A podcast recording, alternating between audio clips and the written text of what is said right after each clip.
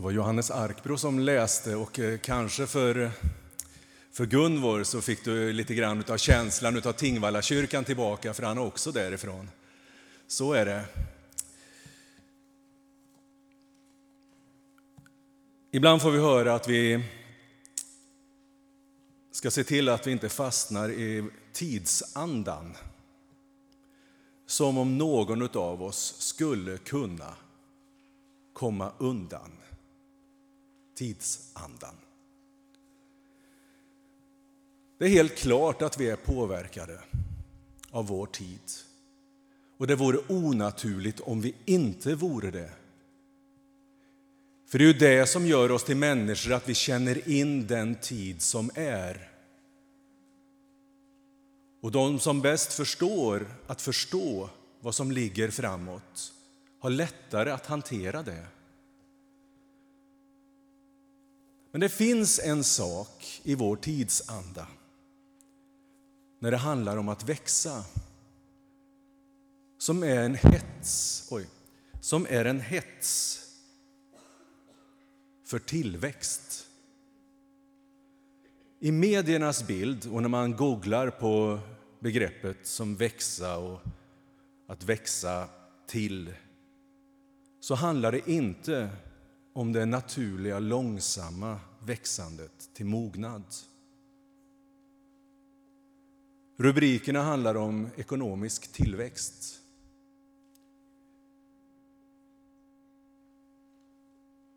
Att Volvo växer mer än man förväntar sig i Kina.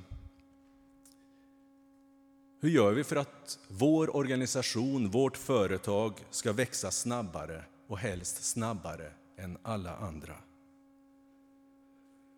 Så därför var det inte konstigt, även om jag funderade ett tag på varför. Och kanske är det så att jag också är en del av tidsandan. Därför är det inte konstigt att när jag börjar fundera på det här temat, att det omedvetet började i min hjärna handla om tillväxt. Att växa i tro, då blev frågan, hur ska jag kunna få mer tro? Hur ska jag göra för att få mer tro?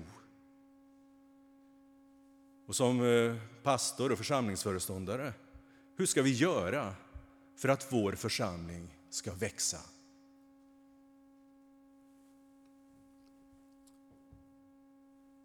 Jag slog på datorn och bläddrade mellan olika bloggar och artiklar och råkade få ögonen på tre ord. Love, create, nej, love, relate, create. Älska, kärlek, relatera, relation och skapa. Sammanhanget kommer jag inte ihåg men orden satte sig fast. Så när jag satte mig för att läsa igenom de tre årgångarnas texter inför den här gudstjänsten, de som föreslås för den här söndagen, så tyckte jag mig se ett mönster. Och Det är också ett skäl till att jag väljer att predika över den text som Johannes läste från just Johannes första brev istället för den föreslagna texten i Johannes evangeliet. Johannes säger så här, och nu tänker jag inte på Arkbro utan på den tidigare lärjungen. Grunden till allt, enligt Bibeln, är Gud. Grunden till allt. Så alla hans brev och evangelier, Uppenbarelseboken, så finns det en grund. Och det är Gud, orsaken till allt. Och denne Gud, säger Johannes, är kärlek. Det är många av oss kristna som genom åren upplevt att vår tro inte är tillräcklig.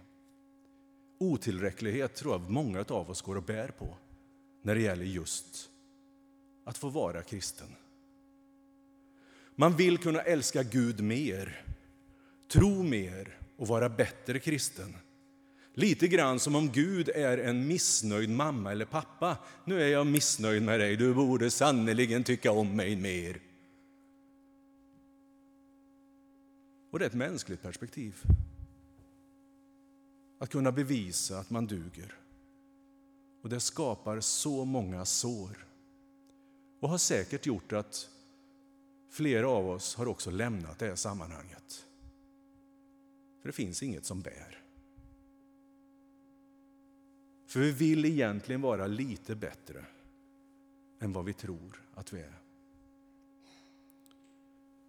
Då är Johannes jättetydlig i sitt brev. Kärleken handlar inte ett dugg i grunden om hur mycket du och jag älskar Gud. Grunden, kärleken, är att Gud älskar.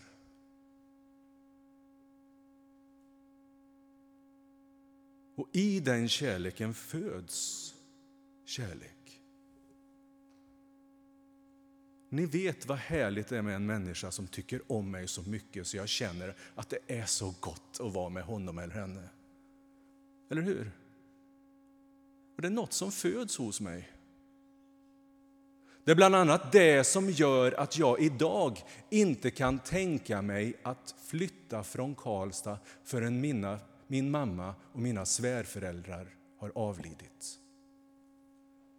För de visade mig något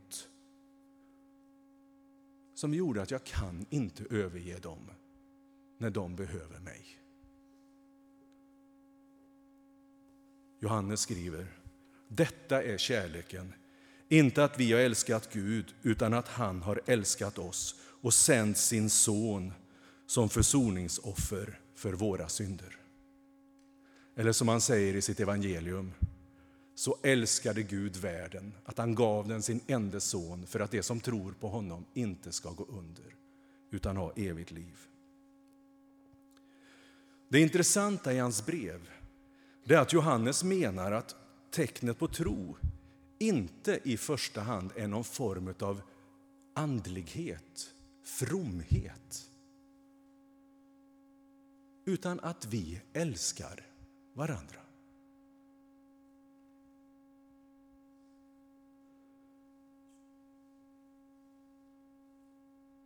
Men om vi älskar varandra är Gud alltid i oss och hans kärlek har nått sin fullhet i oss.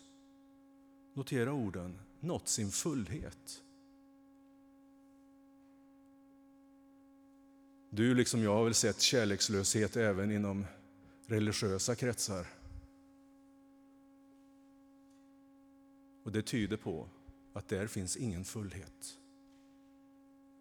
Johannes säger, när vi älskar blir Gud fullkomlig. Skälet till att jag personligen fann en tro var att jag mötte människor som visade mig respekt, hänsyn och generositet. Alltså det som du och jag kallar kärlek. Jag mötte människor som ville mig väl trots att jag förmodligen inte var värd det, tyckte jag.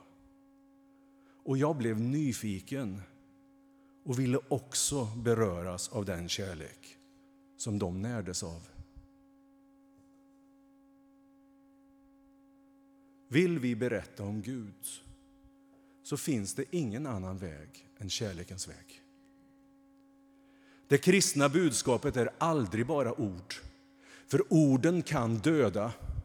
Och Det märker vi när folk skriver om olika saker. Det är som om hatet växer fram och man står för det ena eller andra.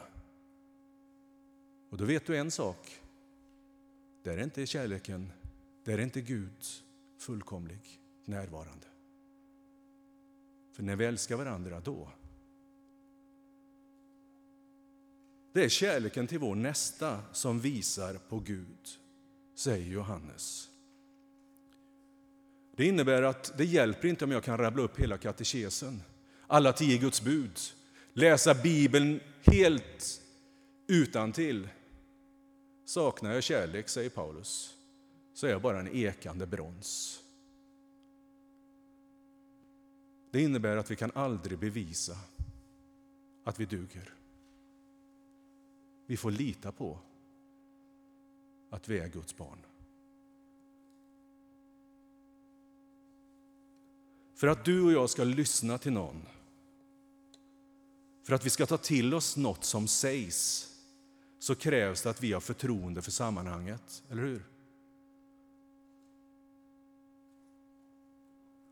Förtroende är ingenting som man kan köpa eller tvinga sig till. Det föds i en relation. Hemligheten med väckelsens storhetstid under slutet av 1800-talet handlade till stor del om att det var vänner och släktingar som bjöd in till de här väckelsemötena och sa du ska komma hit, det här är bra.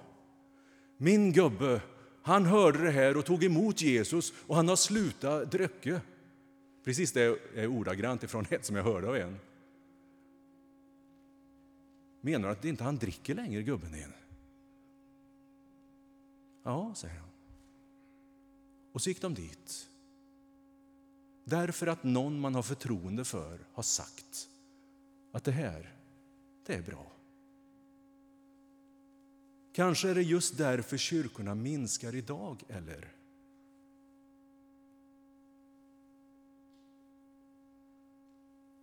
Det var inte anonyma annonser.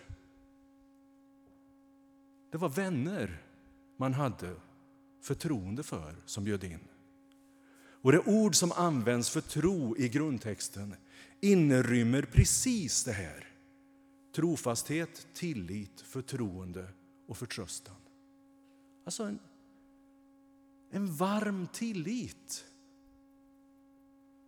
Vill man sprida tro måste tillit finnas. Ibland har vårt svenska betydelse förringats till att bli ungefär som att man hoppas på något fast man vet ju egentligen inte. Alltså någonting ytligt. Men det man talar om kristen tro är att någonting har berört en på djupet som jag kanske inte ens kan förklara. Men det är där. Och det kan vara skälet till att man vill berätta om det. Relationen med och i en församling gör att tron blir synlig. Och en församling, som vi här, består inte av andliga, ofelbara människor. Det är en gemenskap av såriga människor. Det sår möter sår. Och församlingen finns därför att människor som du och jag på olika sätt har berörts av kärlekens Gud. När kärlek och relation finns så händer det något. Det skapas nya möten. Och det är viktigt att vi i en församling låter kärleken och relationen vara grunden för all vår verksamhet. Det är så lätt att lockas av föreställningen att det är verksamheten som gör att församlingen växer eller en organisation växer. Och många församlingar idag minskar kraftigt. Och fler än en försöker att hålla kvar aktiviteter för att locka utomstående. Jag tycker det låter hemskt ordet egentligen. Det enda resultatet av all den strävan blir ju trötthet och att det blir allt svårare att få ledare. För att växa i tro är att hålla sig till den Gud som älskar och älskar sin nästa. För det innebär att när jag får tvivlet på Gud så är min nästas kärlek det som gör att jag kan bäras. Och ur den relationen skapas nya möten. Alltså, love, relate, create. Kärlek, älska. Relation, relatera och skapa. Det är den ordningen allt måste ske. Det handlar inte om hur många vi är, utan hur du och jag behandlar varandra. För där det finns kärlek, där kan man vara frimodig i sin bekännelse. Eftersom det inte längre bara handlar om ord och tyckanden. Så här skrev man Johannes. Detta är kärleken, inte att vi har älskat Gud utan att han har älskat oss och sänt sin son som försoningsoffer för våra synder. Mina kära, om Gud har älskat oss så måste också vi älska varandra. Ingen har någonsin sett Gud, men om vi älskar varandra är Gud alltid i oss och hans kärlek har nått sin fullhet i oss. Amen.